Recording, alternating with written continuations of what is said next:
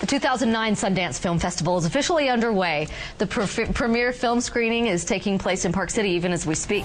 Ski Park City, Utah for five days for only $286. Happened this, this year marks the 25th anniversary, and Carol Makita, who's covered the event since then, joins us live to take a look back. Carol, does Robert Redford consider those the good old days? I had a real passion for what I thought could be done at a certain time that would create something new and, and possible. The focus then was on the independent filmmakers who would mortgage their homes, and certainly some still do, and borrow money from family and friends to make their art. You know, I did it on credit cards, a bunch of credit cards that I'd, I'd kind of put together. How do you make a cheap movie? Look around you. What do you have around you? Take stock in what you have. Your father owns a liquor store. Make a movie about a liquor store. You have a dog? Make a movie about your dog. What has become the Sundance Film Festival was actually created by a handful of people, including Mr. Redford, who wanted to give Utahns access to more movies. Soon, Sundance Films attracted Hollywood stars. No one in those early days could have imagined this scene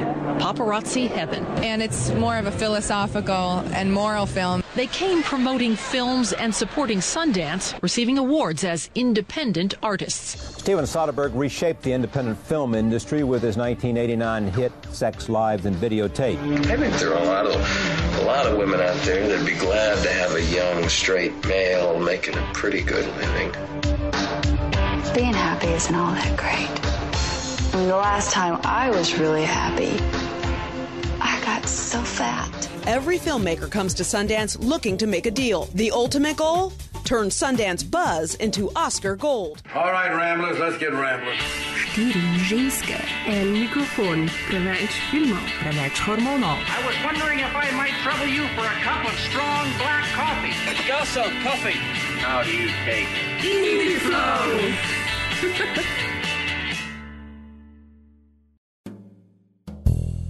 Pozdravljeni v četrtem delu Indieflowa, serije podcastov o ameriškem neodvisnem filmu in njegovi zgodovini.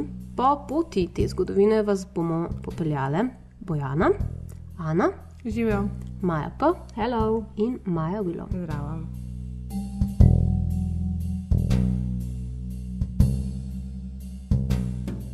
Desetletje, ki se je odvilo med leti 1984 in 1994, velja za prelomno v zgodovini ameriškega neodvisnega filma. V to zlato dobo ga je pospremil Jim Jarmusch s svojim filmom Stranger Than Paradise, ki smo se mu posvetili v tretjem delu. Njen konec pa se upada s trenutkom, ko je Tarantino s svojim šundom zabrisal simbolno mejo, ki je dotedaj ločevala neodvisni film od Hollywooda. Oh, I'm sorry. Did I break your concentration? A da bi lahko razumeli transformacijo neodvisnega filma v tem na vides kratkem, ampak bogatem desetletju, si moramo odbliže pogledati fenomen filmskega festivala Sundance. Ta je odigral dramatično vlogo pri vzpostavitvi razmeroma obskurne filmske struje v vodilno silo, ki sledi še vedno celotna ameriška filmska industrija. In pri vsem tem skupaj je imel prste vmes 26-letni mladenič in njegov igrani prvenec, ki je leta 1989 na Sundanceu prejel glavno nagrado in povzročil pravo pravcato euforijo, ki se je nadaljevala vse do Kana. Tam jim seveda ni preostalo nič drugega, kot da so mu izročili zlato palmo. Ampak najprej, kaj sploh je Sundance?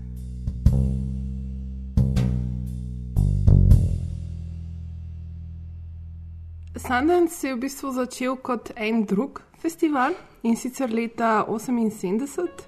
Um, v Utahu so želeli privabiti več filmarjev in mečkom spodbuditi uh, tamkajšnjo filmsko sceno. Zato so uh, ustanovili uh, Utah oziroma um, US Film Festival.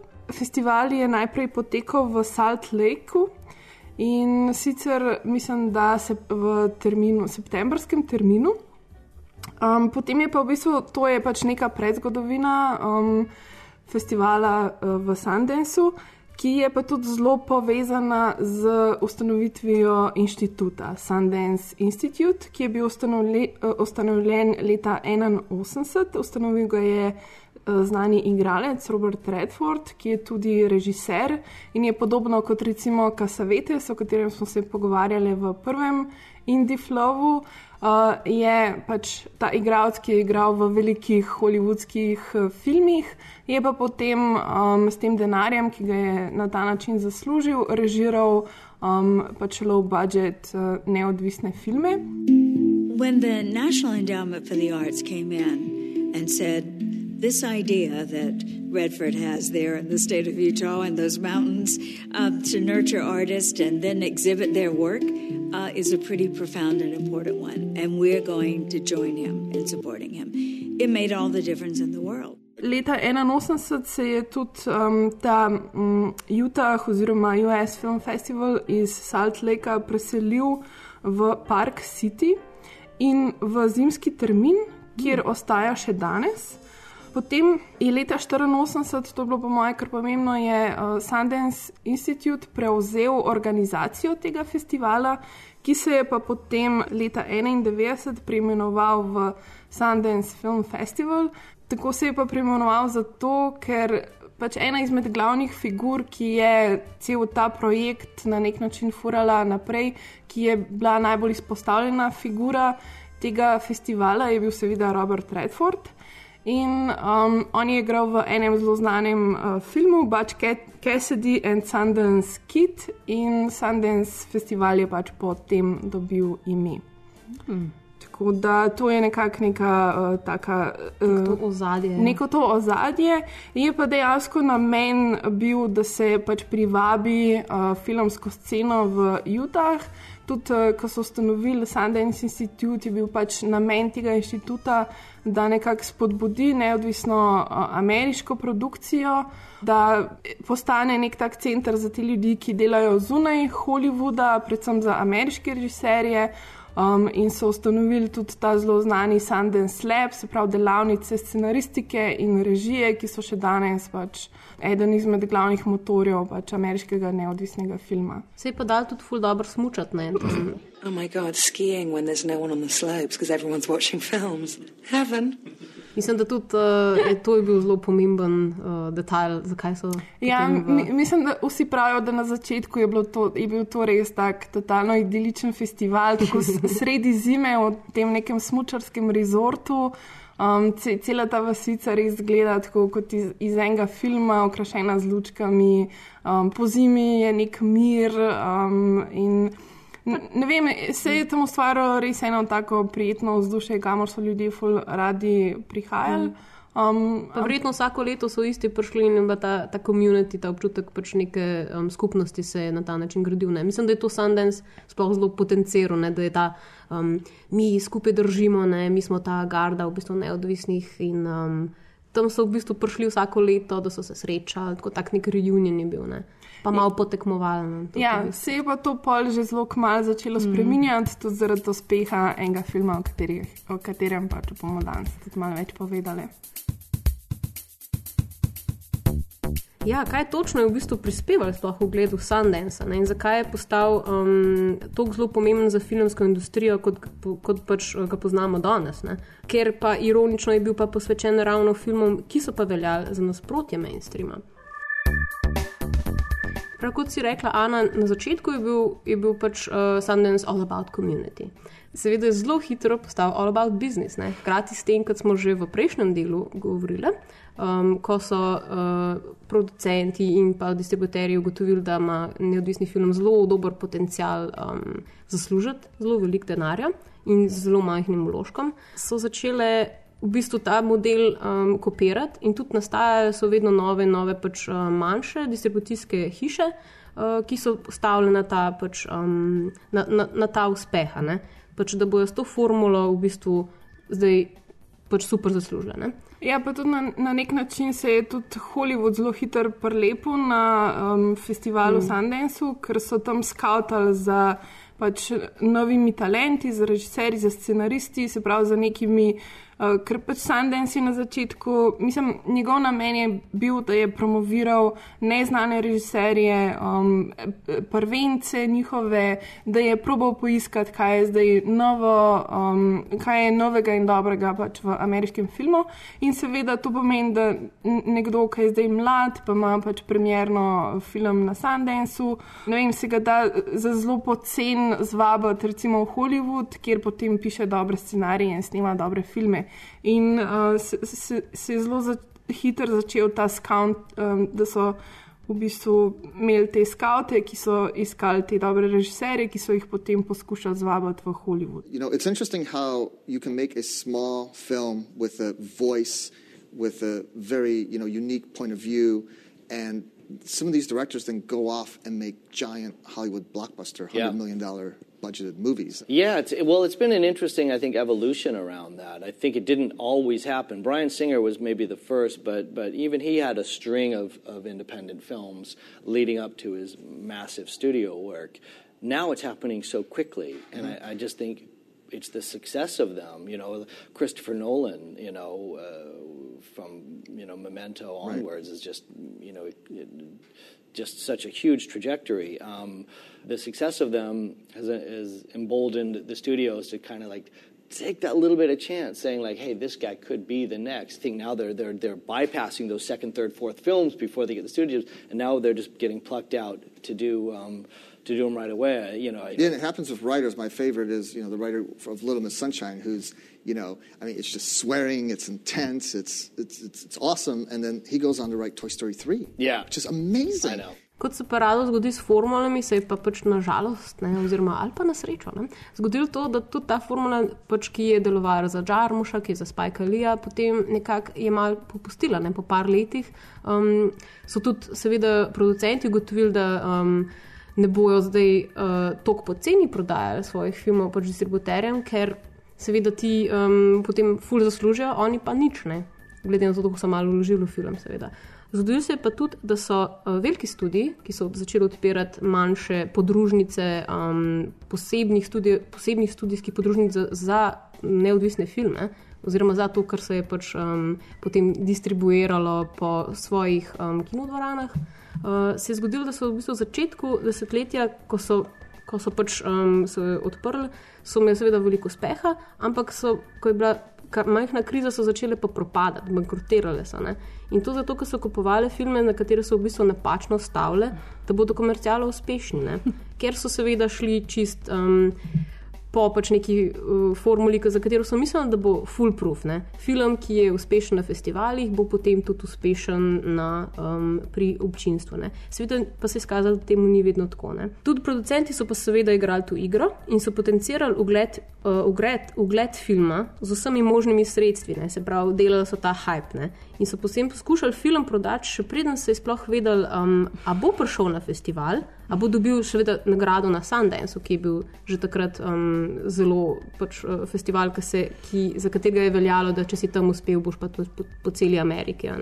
Tako da so začeli producenti večati ceno za nakup in zgodilo se je neizogibno, da so distributerji preplačali film, ki potem ni povrnil vložka. In če so prevečkrat stavili na napačen film, so bile izgube prevelike in so bankrotirali. In ravno v tem času, sprav koncu 80-ih, je zaupanje v to formulo začelo pojenjati, kar pa ni pomenilo tudi nič dobrega za Sundance, ker si je ta ustvaril v bistvu svoj ogled na podlagi teh zgodb o uspehu in se je pač v bistvu mu je grozilo, da bo postal nerelevanten. Ne.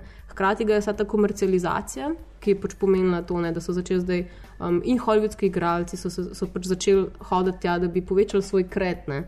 Um, da so um, tudi dobivali so nagrade tam pač in se predstavljali kot neodvisni v bistvu, ali režiserji ali igravci. Um, tudi to je v bistvu nekako malo um, metal neko senco na ta festival. Ne. Potem pa je 89. leta na Sundanceu zmagal film Sex, laži in videotrokovi, Sex, Lies and Videotape. Film, ki je um, v bistvu v tem času pred festivalom um, pravzaprav no- ni navdušil nobenega distributerja, ni nobenega baza ni ustvaril, um, ampak potem po prvi projekciji na Sundanceu so bile pa vse ostale popolnoma razprodane. Um, ne, ne, neverjeten bas je kreiral iz nič pravzaprav. Um, in brata Weinstein, uh, ki sta seveda um, šefa studija Miramax, o katerem bomo pa več povedali v naslednjem delu, sta uspela kupiti film, ki je potem v distribuciji po ZDA in Evropi zaslužil ogromno. Stal je namreč 1,2 milijona, zaslužuje pa 100 milijonov. Kačing! In to wow. je pač podrl vse, um, vsa pričakovanja, in seveda je pač bilo to toliko denarja, da so ljudje samo tako, o moj bog. Pa uvrnilo se je v bistvu vse upanje v to, da se zdaj, da je... zdaj predstavljam tako eksplozije, pa children screaming in the distance, pa car crashes. V bistvu vsi ti otroci so zato, zato uh, kričali, ker so tako bili, ah, jaz bom tudi režiser. ne, oziroma jaz bom tudi uh, distributer. yeah. Yeah. How do you like being married? Well, you know the cliche about the security of it. Well, that's true. Are you having an affair? Why don't you let me tape you? Doing what? John and Ann don't have sex anymore. Did you make one of these damn videotapes? Yes, I did. Okay, I'm recording. Tell me your name. Ann Bishop Mulaney. Zakaj pa je pač film tako uspel? Um, s to zasedbo protagonistov, pa z nekim svojevrstnim portretom življenja ene generacije, je, je spet pač zadev ta Zeitgeist. Um, mislim, da sem napisal, ne, da je bil je v bistvu Rorschachov te za Japije, ko so ga oklicali.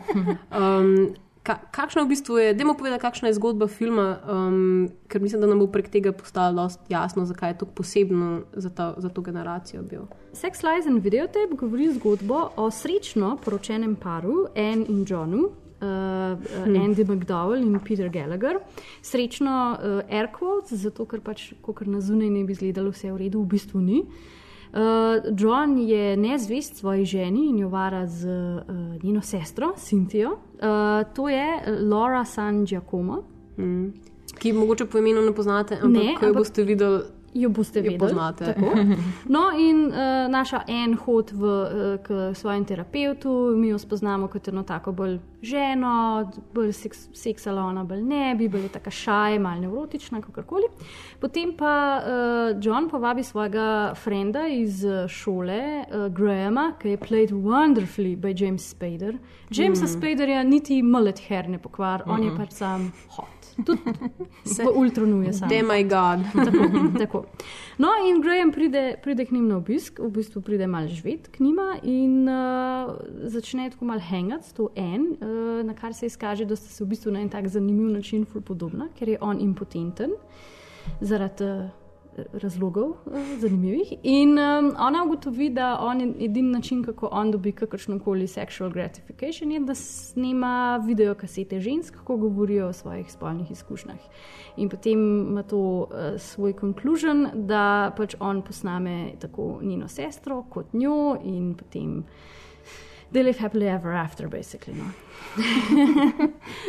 ja, zdaj, že prva scena ne, tega filma, uh, ko pač vidimo Andy, um, mm -hmm. oziroma Anne, mm -hmm. um, ki zelo neobremenjeno svojemu uh, psihiatru um, oziroma terapeutu razlaga pač dosti banalne stvari. Ne. Mislim, neke sanje, ampak so res tako pač še Freud ne bi v bistvu gotovo, kaj se sploh dogaja uh -huh. tam v teh sanjah. Pač, um, razlaga o tem, kako pač ona v resnici sploh ne ve, če hoče biti srečna, ker takrat, ko je bila srečna, se je fuzredila, pa to pač ni, ni za nič. Ne. Mm. Ne, meni je bilo to bizarno, mm. da ona začne svoj session s tem, da pač jo skrbi o tem, da je preveč smeti na svetu. Mm. Pa tako, kaj bomo mi naredili z vsemi temi smetmi? Ja, to je in, ta čas, ne, ko so se ja, ko so pač well, well ja, off people, ne, ja, so, so imeli slabo vest. Ja. In v bistvu začnejo o tem govoriti, pa pol tako, ja, da sploh ne ve, če bi bila srečna, pa pol se vede, pač, ker očitno psihoanaliza funkcionira samo tako, da se pa začneš o seksu pogovarjati, pa jo pol sprašuje je o masturbiranju, pa to. In v bistvu ugotovimo, da ona ne verjame toliko seks, pa da ji ni to tako, pa da je samo enkrat masturbirala prejšnji teden, pa da ji ni bilo kul, cool, oziroma da je bilo. Ja, jaz, sem, jaz sem že tako iz te terapije na začetku dojela, da, da je to vse povezano z njenim možem, pa da se je njen mož enostavno opira. Ne. Zdaj, ker prvo govori o obsesiji s tem, da, da je preveč smeti, mm. -hmm. potem pa v naslednjem trenutku začne govoriti, ja, to sem se spomnila, ker jih John niso smetivan. Ne. Ja. In tako je pač A, neka zelo equation, ne, John Vedno, smeti. vedno je bilo tako, vedno ta neka nevro, nevroza, mm. -hmm. ki jo je imela, je bila vedno nekaj z njim povezana. Ja, pa on, je pa ta, on pa je japi, ne? on je pač odvetnik, ta nek Ja. power suit ima in pač V svoji ogromni pisarni. ne. Tako skozi telefonira svojo tajnico in to in ima seveda ja. eno tako ful prešvicano afero z njeno sestro. Prešvicano pa rečem zato, ker moj bog, kako ona dva švica, da brž seksu. Ja. prav nevreten. Ful. Ful. Se vi, ka- Zato, ker je ona zelo intenzivna. Ja, jaz pa Ja. zato, ker, ker je pač film je v Baton Rouge posnet na jugu Mm. mm. Amerike in, in to je, to je funa stvar, ki sem jo padla. Who sweats like that? Mm. Seriously. Well. Je pa ona ni tipična gospodinja. Ne. Ponavadi imaš navaden si te neke ženske vloge, teh gospodin, ki živijo v neki iluziji. Ona je pa prav taka posebna gospodinja, se mi zdi, da, da ne živi v tej iluziji. Mm -hmm. Mhm. Ni tako, ni čist. Ne verjame, če so to, ne verjame, to kar ji prodajajo. Tako, ne, ne verjame, če so življenje. zakon. ne. Tudi Ja. vem, ko jo tudi terapeut ali pa s komor, kdorkoli se z njo pogovarja, vedno ful iskreno odgovarja na ta vprašanja. In tudi recimo, prijatelj od Johna. Uh, pride in jo začne sprašovati o njenem zakonu, če je srečna, ne, čisto enostavno po pravici pove, da, da je v bistvu z možem, zato ker je v bistvu da varnost, uh -huh. pa da je to všeč, da je on zdaj, uh, da ima dobro službo. Uh -huh. A ne pa da ni z nekim freelancerjem, to je zelo pomembno. Ne, tako, mislim, ni, ni čist tipična gospodinja. Ja, ona, ona je taka, pač, um, tako, skoraj se mi zdi, da je karierna gospodinja. ne, Pač ima začrtano pot, ve, kaj hoče početi, ne, ampak v tem okviru. Ne. Mhm. Hkrati pač imaš potem njeno sestro, ki je njen antipol, ne, Mhm. ki pa predstavlja um, zdaj neko, očitno je umetnica, ker slika pač vse čas rože ja. in, je, um, in ima to neko tekmovalnost, ne, ker se Mhm. pač. Tako sta si različni, ampak tako sta si podobni. Ne? In Na, nekak fil, na tej napetosti med njima v bistvu film nekako gradi potem. Ja, ampak jaz mislim, da en ni taka. En so v bistvu, po mojem, prodali to zgodbo o tem, kaj pomeni biti srečna, sretna, srečna ženska, poročena. Ker pač ona na, te, pač na terapiji tudi reče, pač, da on plačuje hišo, pa ona je zdaj bongla zaradi njega nehati v službo hoditi, pa je doma, pa ima ful veliko časa. Ne so ful dobro prodali to zgodbo, kot ti bo dobro, ker se boš dobro poročila, pa boš kul, pa boš doma, pa boš gospodinja. Pa žena pa, pa začne to živeti, pa v bistvu ugotovi, da uh, ne, it's boring, neumanje, ne maram svojega moža. Ja, jaz, saj, če- jaz sem tako občutek. Čeprav meni se to zdi, da mislim, je ona ta človek, ki si res ne dela nobenih iluzij. Mm. Da, da je ona, mislim, nekako vedela, da se bo to zgodilo. Mislim, ni mi tako, mm. ni mi zgledalo tako, da so ji res prodali to, ampak da se je ona čist zavestno odločila za to. Mislim, jaz sem imela mal ta občutek, ob- občutek vsem. Jaz mislim, da so bile tukaj, ja, mislim, za njo se mi zdi, so bile zelo jasne stvari. Ne? Od moža pričakuje, da bo pač skrbel za njo, pa da je bo vest. Ne? In to je kot pogodba. Mm. Pač, in ona v bistvu je ravno to. Um, Ravno to, ki je v bistvu profesionalna kot njen mož, kot odvetnik, ne? še bolj pravzaprav, ker ona ne laže. Ne? gospodinja. In, in njena, pač, njen del pogodbe, ona se ga drži, ne? ona ga ne vara in pač skrbi za gospodinjstvo. Ja, v bistvu je ne. neke vrste kritika, ne, zdaj, ali na eni strani ali živiš laž, ali živiš resnico. Ne? Ker mm. tudi um, njen mož John je lažnivec, mm Mhm. -hmm. torej v bistvu skoraj da patološki že lažnivec, ne? medtem ko ta njegov prijatelj, ki pride, ki se nista videla že deset let, sta bila prej best frienda, zato ker je bil tudi on patološki lažnivec. je pa- In odvetnik. In odvetnik, ampak se je v teh desetih letih spremenil. In je pač uh, začel govoriti samo in izključno samo resnico, mm Mhm. -hmm. ampak s tem, ko je začel govoriti resnico, je izgubil um, pač slo, ne? ja, Mhm. izgubil je rato impotenten. Ne? Tako se mi zdi zanimivo, da mogoče je to zdaj to, ne, pač to suburbija, to je neke vrste laž. Mhm. Ne? Naprimer, kaj si zares želiš, pa kaj si ne želiš. Um, Medtem, ko potem na koncu se zgodi, da sta ona dva potem skupaj. In potem to postane resnica. Ne? Naprimer, na začetku je ona rekla, da ne bi bila s freelancerjem, Mhm. ne bi bila z nekom, ki ne bi znal poskrbeti za njo, na koncu je ravno s takim pač Mhm. pristala. Ne? Ker ona se je pa tudi cel cajt upirala ne, temu, um, kar je svobodno, kar je resnično, kar je pa njena sestra. Ne, njena sestra je ta, ki živi, ne, ta, ki v bistvu je vse za vse. Ona je umetnica, ona v bistvu seksa s komorkoli hoče, kadarkoli hoče. Ja, ta seize the moment Ja. je pri Pa njej. Zelo moderna ženska. Ne, pač, mislim, ona, je pač, ona je v bistvu ravno to, kar so, ne vem, kaj pa, tre, tretji val feminist, ki Ja. pač se da dol s tipom, in potem pač bi on še mečkan mogoče tam ležal, pa se malo stiskal, ne čisto easy, ampak on je tako, zelo lahko greš v bistvu, zdaj te ne rabim. več, Ja, ne." ja, točno to. In mogoče en ravno se je zaradi tega upirala. Ne? Ravno, mogoče se je upirala tej, temu feminizmu, mogoče tistega časa in je potem. Ker ona se je konstantno opirala svoje sestre, ne? ona je zdaj skozi govorila, ja, taka si ti, ampak jaz nisem taka. Ne? Mm. Pač taka si ti, ampak jaz nočem biti taka kot ti in je zaradi tega ratala tok zavrta. Tudi, ne. Mm. Did you, Mr. Bain?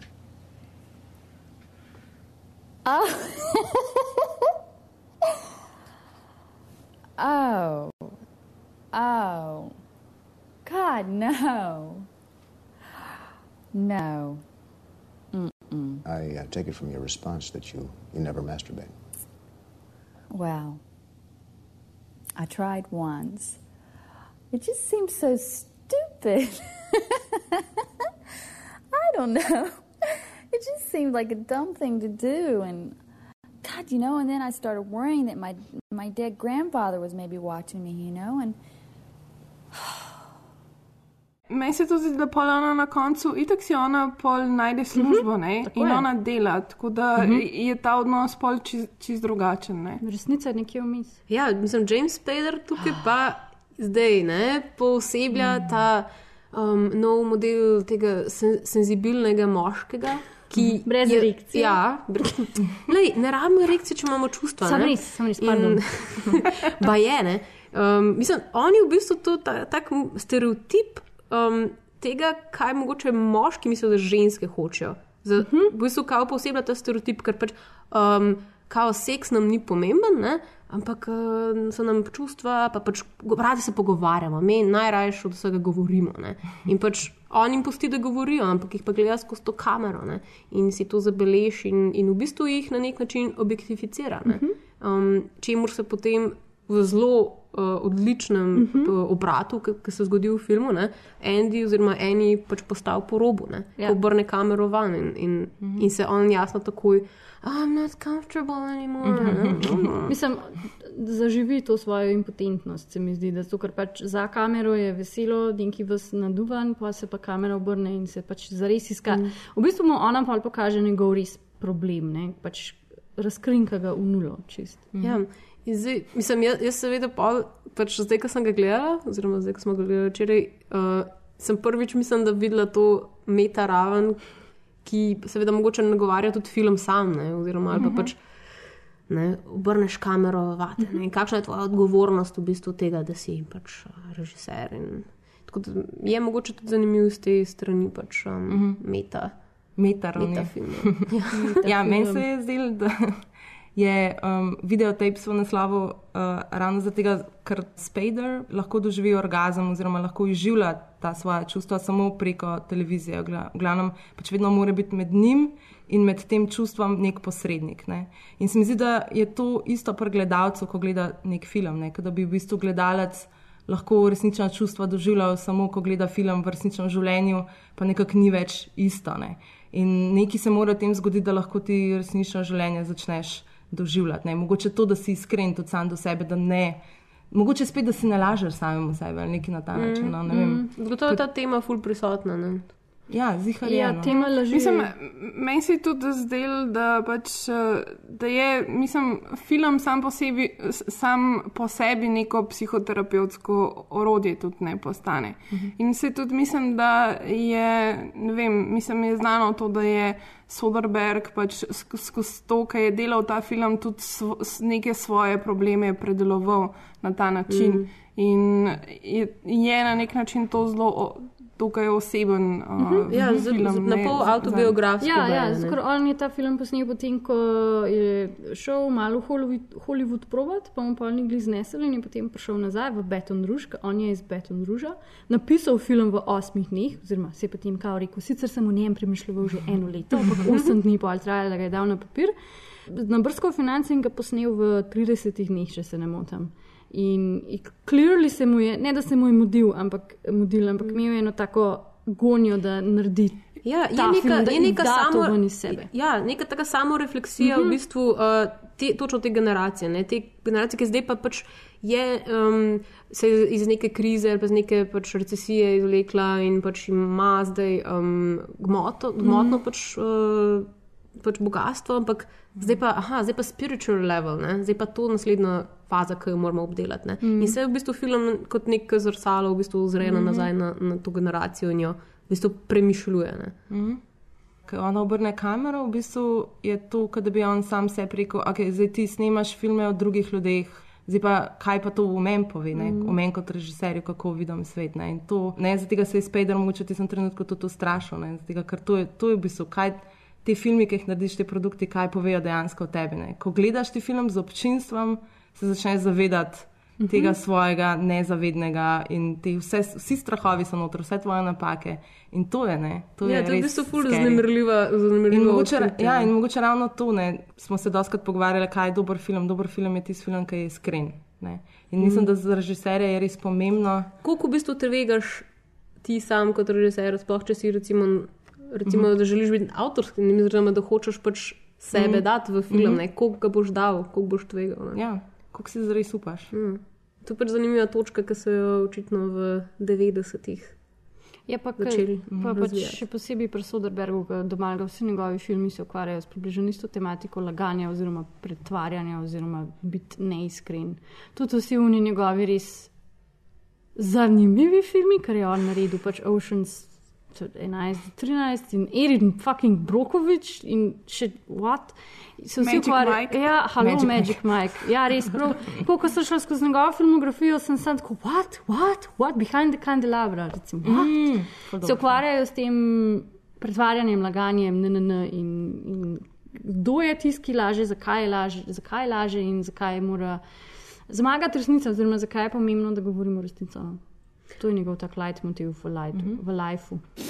Hexavalent chromium can be very harmful. So it kills people. Oh, yeah. You're a lawyer? Hell no. I hate lawyers. I just work for them. We're going to have to spend a little time filling in the holes in your research. Don't talk to me like I'm an idiot, okay? I think we got off on the wrong foot here. That's all you got, lady. Two wrong feet and ugly shoes. You gotta find a different job or a different guy. For the first time in my life, I got people respecting me. Please don't ask me to give it up. Meni, en izmed najbolj takih um, res momentov, ki se mi je fultisno spominja, je to, ko njen mož gleda te posnetke. Mhm. -hmm. Ko v bistvu ko je on zdaj soočen pred to resnico, kaj se je dogajalo. A je ona zdaj spala z njim, ali ni ona spala z njim. Pa super mi je recimo tudi njegova montaža, ki te mm -hmm. v bistvu preklapla zdaj med, med eno resnico, pa med enim občutkom, pa med drugim. Ne? Zdaj, ker prvo, prvo vidimo njenega moža, kako gleda ta video posnetek, imaš nekaj občutja, kot je strah pred tem, kaj bo on zvedel. Ne? In potem v nekem momentu, ko želiš, je tisto, da nekaj se bo zgodil, pa se preklopi zdaj film na to, ko sta ona dva imela ta moment. Ne? In začutiš, da v bistvu se ne gre. Ne gre se za to, da ona njega prevarala ali kar gre se za ta njun moment, uh -huh. njun stik, ki je veliko bolj uh, močen, kot kar v bistvu samo ta, to dejanje, Mm. mm. pač seksa. Pristen, Ja. mm. In potem na koncu, ko, ko se pač kamera ugasne, ko kao pač naj bi bila Mhm. skupaj, uh, pridemo spet na, na, na njenega moža in ki je mi res grozen izraz na obrazu, meni je bil pač heartbreaking, ker je bil res ta šok, pa ne zaradi tega, ker je ona spala z njim, ampak šok o temu iskrenosti in o temu, kaj se je zgodilo zdaj pred njegovimi očmi. Tako se mi zdi. ful Ja, pa tudi moment. to, to zavedanje, ne? mislim, Mhm. mm -hmm. ko on ima.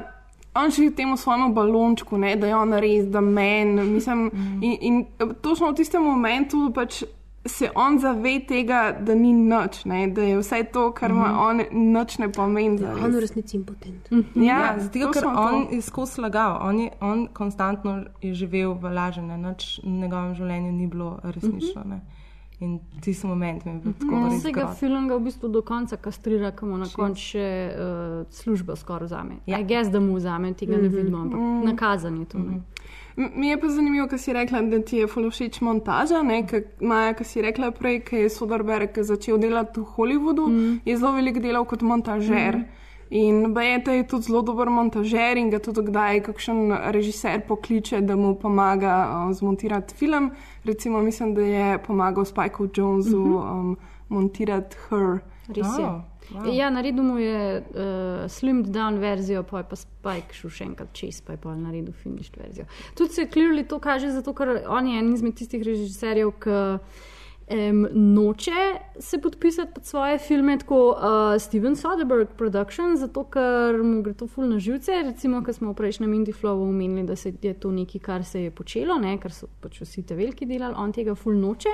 Mm. Pa je pa on en izmed tistih, ki ne more biti krediten na vsakem sorsu, zato ker on svoje filme, filme fulkrat in režira in je njihov DOP in je njihov editor in pač ima saj ene dva, tri nickname, pod katerimi je potem naveden v kredicih, ker je pač ful. Da zadosti tem pravilom. Ja, ja, ne vem, ne smeš biti krediten kot več kot ne vem koliko. Ja. Ja, montaža je res ful posebna, tudi zaradi zvoka, ne? ker Mhm. on v bistvu uh, prikazuje nekaj, zvok pa da noter iz nekega drugega, prejšnjega ali prihajajočega kadra. Ne?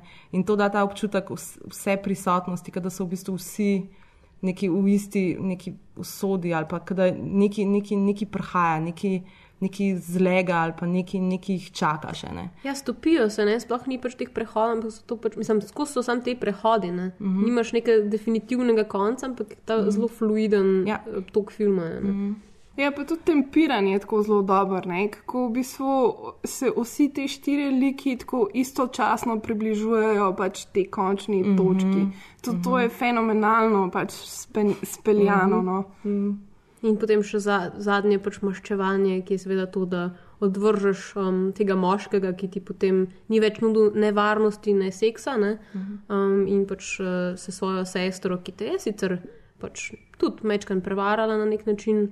Uh, Ni panike. Ni panike. Ja. To sta, Pa sta frendica spet. Ja, pa se spoprijati. Happy end. Mm, ja. A si mogoče lahko zamisliti, da film, ki je pa imel na podoben način um, vpliv ali pa je na podoben način naredil vtis na to generacijo, ki, pač, ki mi pripadamo. Hmm. Ne, ampak nam bo Bojana povedala. Ne, jaz, jaz res nimam. Um, A res? Ne. Ne, ne, mislim, da sem pač. Mm -hmm. Zanimivo mi je bilo to zaradi tega, ker, uh, ker je bila, po moje, mislim, je ogled tega filma je verjetno bil ena sorta revelation za ljudi, ki so ga gledali. No? Ker pač je vse en ta japijovska, um, japijovska pozicija, pač, a veš. Uh, Obogatiti, pač uspet, ne, in živeti spet te ameriške sanje. Ne, bila je verjetno dosta ne- nereflektirana, pa ne kritično reflektirana na neki, ra- neki pač mainstream mm. ravni. Ne. Mhm. Ta film je bil pa, um, glede na to, koliko ljudi ga je videlo. Ne, in mislim, pač, če si ga šel gledati, tudi če nisi pač ga šel gledati z namenom, da boš šel gledati dober film, ne, ampak pač, ker je bil ravno v kinu, um, nisi mogel pač. Se izogniti temu, da bi bil pravzaprav šokanten za, tist, mm. pač za tiste čase. Mm. Tudi pač, um, še vedno uh, smo v 80-ih, pa pač imamo že, ne vem, govorimo o masturbaciji, v, pač, um, To ženski- impotenci. ženski Ja, masturbaciji. in tudi v ženski, pač ženski liki so takšni, ki um, jih je verjetno dost moškega gledalstva ni bilo pripravljeno videti ne, v taki mm. vlogi. Tako da verjetno, da je imel, se zdi se mi pač, da je imel ta film na, na svoje gledalce pač zelo veliko vpliv. No. Mm. Jaz sem jih hotela pač povleči ven Frances Hane, ki Mhm. mislim, da je en teh takih pač filmov, Mhm. ki, so, ki, ki se po, na podoben način v bistvu reflektirajo. Uh -huh. Če je kakšen film name osebno imel tako vpliv, kot si predstavljam, da je Sex License videotape imel na takratno publiko, je to zame sigurno bil um, pač Frances Ha. I'm sorry, but the card didn't go through. Do you have another card you want to try? Oh shit! Sorry. Um. Uh. This is a debit card. Only credit cards are cash. Okay. I'm so embarrassed. I'm not a real person yet.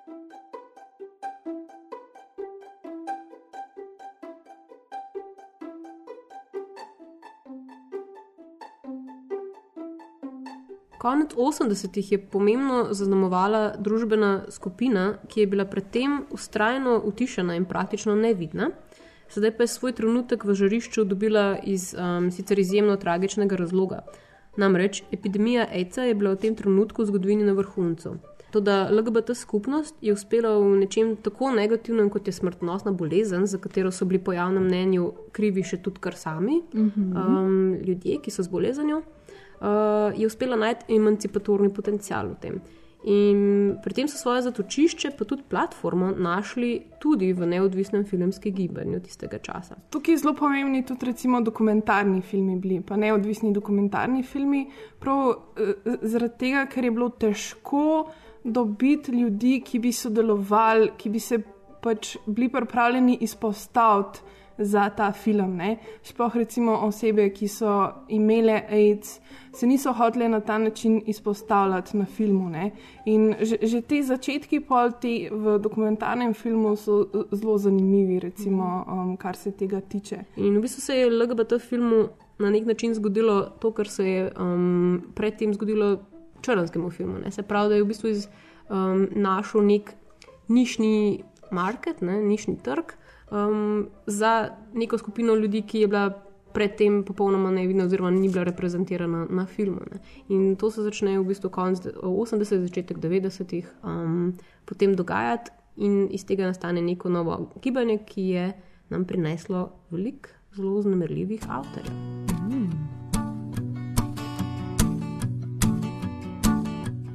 I got chills and In 1987, director Gus Van Sant gained acclaim with his feature film Malanoche, Made for $25,000 from his own savings account, it won the LA Film Critics Award for Best Independent Film. After his next two films, Drugstore Cowboy and My Own Private Idaho, the New Yorker magazine called Van Sant one of the few really original talents to emerge from American movies in the 80s.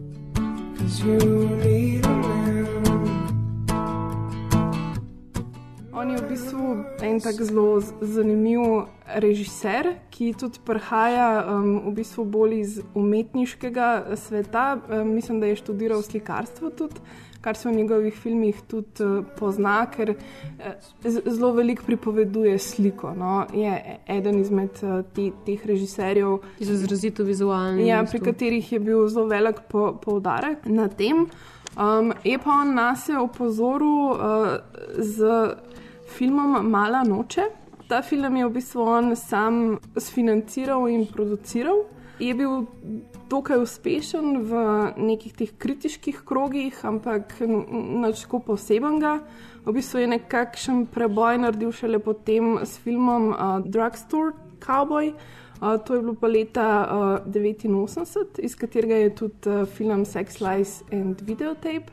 Uh, in mi je bilo zelo zanimivo, ker recimo Gas van Sant je imel uh, Pauline Kael, ki je bila ena izmed najpomembnejših filmskih kritičar, ki je bila uh, njegova velika fenica.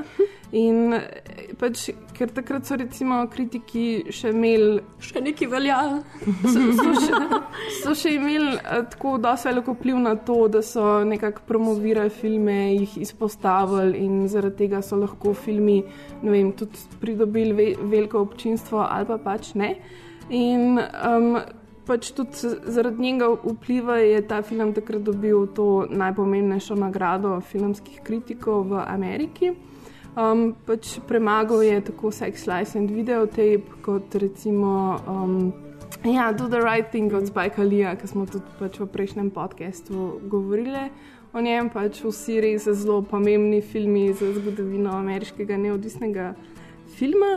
Um, tako da tudi ta Drugs Drugstore Cowboy je potem imel kar lep, um, le, lep obisk. Um, Zatem je pa mogoče Gasan Saint posnel svoj najbolj znan film, tako da je bil tudi potem um, je šel malo bolj v mainstream in sicer je bil to film My Own Private Idaho. Ki nam je dal koga? Keanu Reeves. Yes. If I had a normal family. And a good upbringing, then I would have been a well adjusted person. Depends on what you call normal. Well, you know, normal, like like a mom and a dad and a dog. So you didn't have a normal dog? Je pa recimo on znan po tem, da je zelo rad eh, snimal filme o outsiderjih, o ljudeh, ki živijo na, na cesti, ker se mu je vedno zdelo, da imajo oni pač veliko bolj zanimivo in dramatično življenje. Um, je pa bil tudi, recimo, mislim, pač v queer cinema je bilo vedno vprašanje reprezentacije. Ne? Ker pač v hollywoodskih filmih so um, geje in lezbike vedno pač imeli za nek tak comic relief. Um, v bistvu on pa je hotel pač tudi pokazati v svojih filmih, da je to nekaj navadnega. Ne? Mislim, da to ni. Mislim, In v bistvu hotel na je človeški način. Ja, je Mm. poskušal izpostaviti druge. V, v zgodbi pač neke druge elemente, pač to, da ali je nekdo gej ali ni, pač n- n- ni bilo zares pomembno. Ne? In to je bil pač ta nek preskok tudi v prikazovanju um, pač teh likov. Zdaj, na tej točki, v recimo Queer Cinema, so še vseeno uh, igravci v filmih. Ne? Tako kot si prej recimo omenila, kako je bilo težko se um, še vedno izpostavljati ne? um, ali pa biti out recimo, v filmih, ne? so še vedno igrali um, straight ljudi, pač uh, gej vloge. Ne? Recimo tudi v Filadelfiji, ki je sicer potem ne, um, nastala, je, zdaj imamo Toma Hanksa, ni, ki, kot vemo, ni. Pa tudi ja. ja. bilo je dejansko dosti težko dobiti igralce, ki bi igrali te like, ker niso hoteli mm. igrati um, gejev in lezbik mm. v, v filmih. Ne? In so z, zaradi tega ne, vem, je tudi težko dobil ta film prepoznavnost, ker če si hotel imeti neke velike zvezde. V filmu, ki bi ti prinesle prepoznavnost, pač te zvezde niso hotele igrati v tem mm. filmu zaradi te tematike, ki jo je pač film obravnaval. Tako da so imeli kar precej no, pro, problemov, kar se Ja, tega mislim, da tiče. je to neka taka evolucija. Mislim, zdaj v tem času zdaj se akutno zavedamo, kako problematično je to. Ne? Recimo, zdaj imamo ta trans ljudje, so zdaj tisti, ki so na udaru, mm. narekovajo, ker kako si mi drznemo zdaj kestati. Um, Binary persons kot trans osebe. Ne? Pač, uh, kva je bil že ta un Dallas Buyers Club, mm -hmm. ki je Mhm. igral od Jared Leto trans osebo, to je kao zdaj Big No. Mm. Se mi zdi, da v preteklosti tega niso na, niso na ta način gledali in jim pač ni bilo to tak big deal, da pač zdaj Keanu Reeves igra geja. ne, Pač, Vala bi bilo fajn, če bi imeli geja, ki igra geja v filmu, ampak ni jim bil to tak išu. Je pa tudi to ena stvar, ki se je mi kot eh, družba učimo. Ne? Če smo šli od tega, da so v grškem teatru tipi igrali ženske, pa če smo šli od blackfacea, pa če smo zdaj mogoče, zdi, da lahko geji igrajo, da ne geji igrajo geje, bomo tudi prišli do tega, da bodo trans igralci igrali trans like. Mhm. Tako da pač to Ja, je neka neka ta taka linija je- evolucija, linija tudi pogojena s tem, da pač, ha, valjda pač je težko. Je težko prepričati ljudi, da se na ta način izpostavijo posnetki pač obs- ob, filme z obskurno tematiko, pa v njih kesta Toma Hanksa, je Mhm. včasih mogoče boljš, da, zato, da se pač naredi preboj, kot pa pač. Ja, to, točno to, kar si rekel, ne, zaradi tega, ker spet je bil v bistvu ta, tukaj ta formula na delu, ne, da zdaj, ko, so, ko pa je bil nek film, ta tematski, ne, se pravi um, AIDS film kot Filadelfija, s katerim je potem, uh, mislim, da pač so dobili Oscarja in, in, in to, in, in s tem spet odprl na nek način vrata si v Hollywood, si v, pač v mainstream film, zaradi tega, ker, aha, ok, zdaj očitno se um, gledalci ne bojijo več Mhm. -hmm. ne, teh likov, tako da. Dajmo pač to izkoristiti. ne, Ja, in tako pač, da- Nažalost, Hollywood funkcionira skozi denar. Tako da, mm, ne. Well, Je pa v bistvu tudi ne, mislim, to, kar si prej govorila, da si je uh, pač ta um, queer film si je nekako tudi na podoben način, kot je takrat Spike Lee, pa pač uh, afroameriški film, nekako postopoma uh, gradil ta svoj trg, ne, mm. na katerem je potem lahko distribuiral te filme, in pri tem so tudi zelo veliko pomagali filmski festivali, ki so jih začeli um, pač ustanavljati in kmalo je bil pač v vsakem mestu en tak festival. In zelo veliko, recimo, pač teh filmov je bilo pokazano zgolj na festivalih. Mislim, da se mi lahko dejansko pohvalimo s tem, da imamo enega najstarejših um, LGBT? LGBT festivalov, V ne, filmskih. Ja, Evropi. Wow, good going, Slovenija. Oh, ja. Enkrat za Drugače je bil pa prvi uh, LGBT uh, film festival leta 1977 v San Franciscu. Kje pa drugi? Uh, tako da ta- tam je še vedno, pa ta velja za, za najstarejšega. Še eden velikih imen v um, tako imenovanem Queer Cinema je Todd Haynes, ki je tudi v bistvu začel seveda v tistem času ustvarjati. Todd Haynes je v bistvu tudi z, um, bil del gibanja tako imenovanega novega queer filma, ki se je formiral na koncu 80-ih, začetku uh, 90-ih let. To gibanje je nastalo hkrati z nastopom queer teorije tudi na akademiji. Takrat se je v bistvu Mhm. začel uh, na akademijah o tem tudi pred, uh, predavati. Todd Haynes je v bistvu zanimiv iz tega stališča, da njegove, njegova dela oziroma njegovi filmi so v bistvu uh, te postmodernistične ideje o identitetah in o tem, da je seksualnost družbeni konstrukt. In če smo se prej pogovarjali, da zdaj recimo LGBT društva hočejo definirati, uh, kaj je zdaj biseksualnost, kaj je trans. Ne? Naprimer je bil njegov edini motiv pristopa filma to, da te meje zabrišejo. Mm. Uh, to je pa delo zdaj pri filmu na več načinov. Njegovi najbolj znani filmi pred kratkim so bili recimo Carol. Ker v bistvu Kate Blanchett uh, igra starejšo gospo v 50-ih letih prejšnjega stoletja, ki je v bistvu se zaljubi v neko mlajšo žensko. Uh, potem recimo naredil je film o Bobu Dylanu z naslovom Sedem Obraz. obrazov.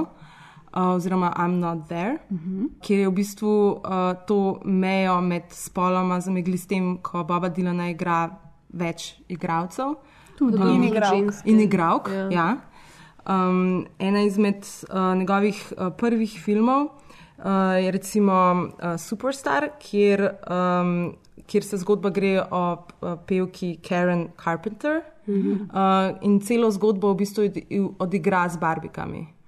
Ne, Ja, to v je bistvu- ful en ja. zelo glasnih uh, filmov. To je eden izmed njegovih, ja, to je v bistvu njegov študijski film, se mi zdi. In s tem v bistvu pač hoče valjda povedati, ne, da spol je v bistvu samo nekaj, kar prilimaš na nek objekt. Ne. Protagonisti so vedno neki outsideri, to so karakteri, ki se bori proti družbenim pritiskom. Vedno se igra z identiteto, fluidnosti med spoloma. Ne. Njegovi liki uh, se borijo proti tem družbenim normam, zato ker, ker se psihično ne morejo izražati svoje ljubezni, potem fizično trpijo. Ne. In En primer tega filma je recimo Safe. Varna, kjer je v bistvu Julianne Moore, neka spet suburban housewife, neka gospodinja, zboli za tisočimi alergijami, ker uh, je pač enostavno dana v to pozicijo, ker nima nobene moči. Ona je pač zdaj ta gospodinja in je postavljena v nek prostor in ima moža in ima otroka in začne pač zbolevati. ne. Mm. In, Je spet um, v neki družbeni vlogi, ki je Ja, pač, spet se mora ja, pač dodeljena. Ja, prirejati. kul. temu. Ki ni.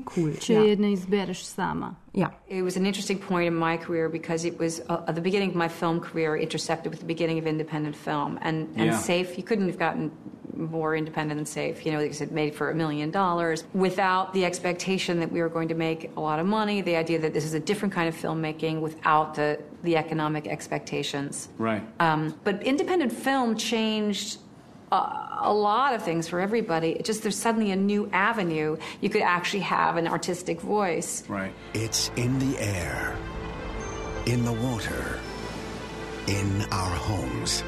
Oh my God.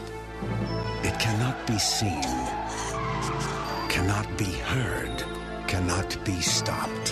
Where can you go when no place is? Safe. Novi val, oziroma ta nova teorija, se je pač trudila zabrisati meje med klasifikacijami, kaj je zdaj homoseksualnost, kaj, tran, kaj pomeni biti transseksualec, lezbika, biseksualec. Njegova želja je bila zabrisati te meje, no? pač izpostaviti, da je osebnost fluidna in da ni samo enoznačna in da se jo ne da uh, pač definirati. No? Mm, Judith Butler bi bila ponosna na njo. Yes. Najbrž je ponosna na njo. Verjetno je res. Verjetno hengata in pijete skupaj čaj Ja. in se pogovarjate o Binarnosti, binarnosti. spola, performativnosti. Se je pa ful zgledoval po Douglasu Sirku in Fassbenderju mm, in je tudi v bistvu uh, naredil priredbo uh, filma. All that heaven allows. Ja, ampak z imenom Far from Heaven. Um, Mm. So te klasične melodrame, ki so potem vplivali na v bistvu gejo, gejovske avtorje, zaradi tega, ker so, bile, ker so ta kamp um, uh -huh. ustvarjali v bistvu ta občutek um, te pretirane, čust, ču- pretiranega čustovanja in iz katerega se potem v 90-ih ne, Ja, v- v recimo, bistvu oni ironično filmu, obnašajo. ja, oni pri tem filmu na mesto uh, gospodine je bila Julianne Moore, uh, vrtnar je bil pač temnopolti vrtnar, imela je pa moža, ki je bil prikriti homoseksualec. ne. Tako da je v bistvu inkorporiral vse, vse te uh, manjšine noter in kako rešujejo svoje probleme. In, in kar je presenetljivo v tem filmu, da v bistvu temnopolti človek nekako se reši, gre, se oceli, bolim, ne.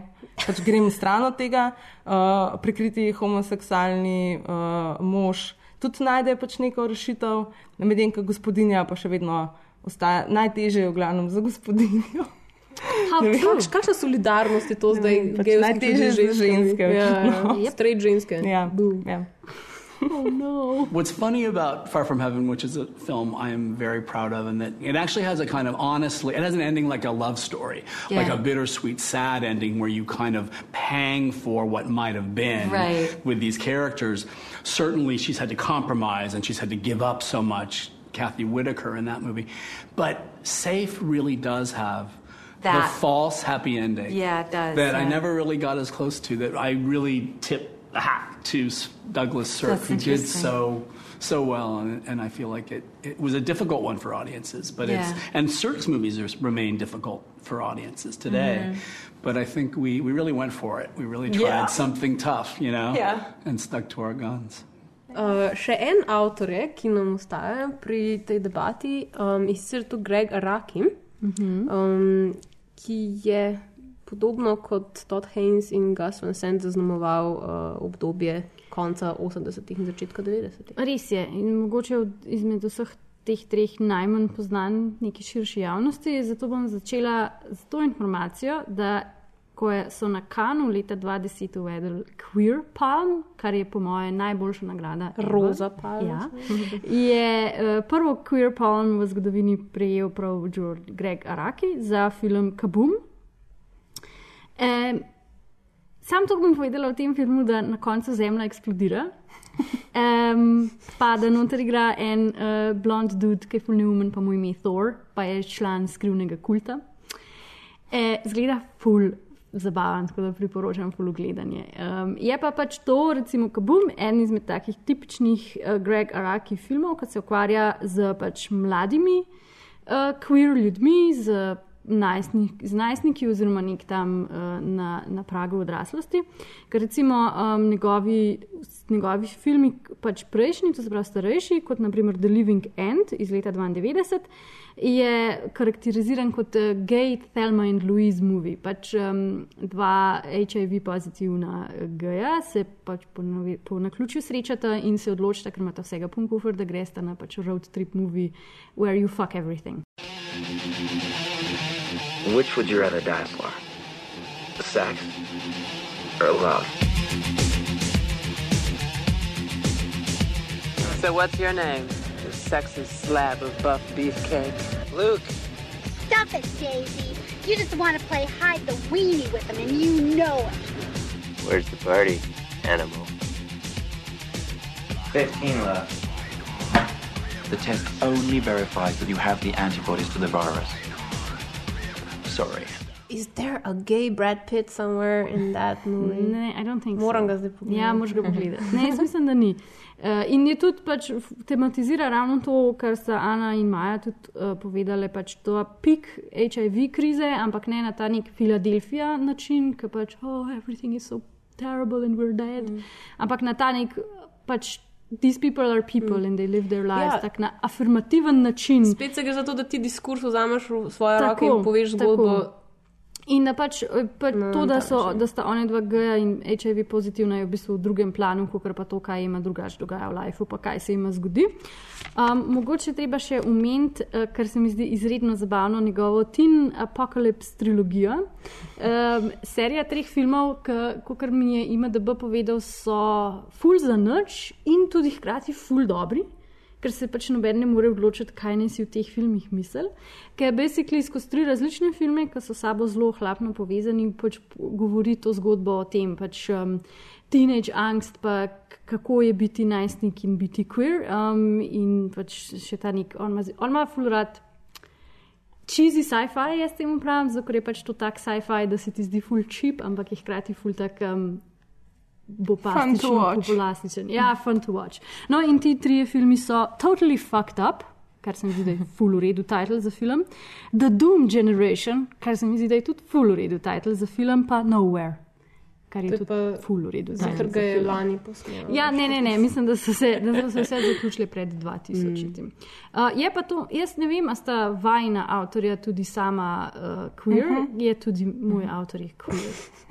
Kar se mi je zdelo zanimivo, zato ker, mislim, zato, ker pač Steven Soderbergh ni, pa tudi drugi niso in ponovadi ne. ne Samo oni niso, on ni, Ja, on ni to, on ampak ni pač hočem, hočem to tega- povedati, da recimo v vseh filmih, ki smo jih mi delali, generalno je manjšina queer avtorjev. In, se mi, in sem imela, um, me je bilo strah, da ti avtorji, ki bomo zdaj omenili, ne bojo tudi sami queer, ker se mi pa zdi, to bi bilo pa zelo grozen bilo, da um, Ja, ja, mislim- ustoličijo uh, queer, new queer cinema, ne queer avtorji. Mislim, da, Ne, so. mislim, da mora biti kar, uh, moraš podpisati, kar da si videti, pač, gre. A ja, kao, pošlješ, yes, ja. I'm queer, ok, lahko delaš queer. film. Ja. Najbrž si za Soderberga mislila, ki je naredil Behind the Candelabra. Ja. Tam je bil kar tako, lahko bi tudi maybe Soderberg, kaj skriva. You know, there's- pa pač ne, People change. Videotapes. Directed by Tarantino. Which brings me to me.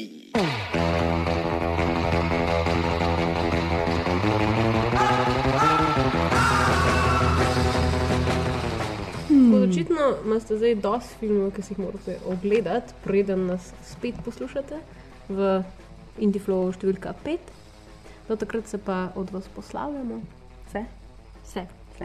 Bye! Adijo. Ciao.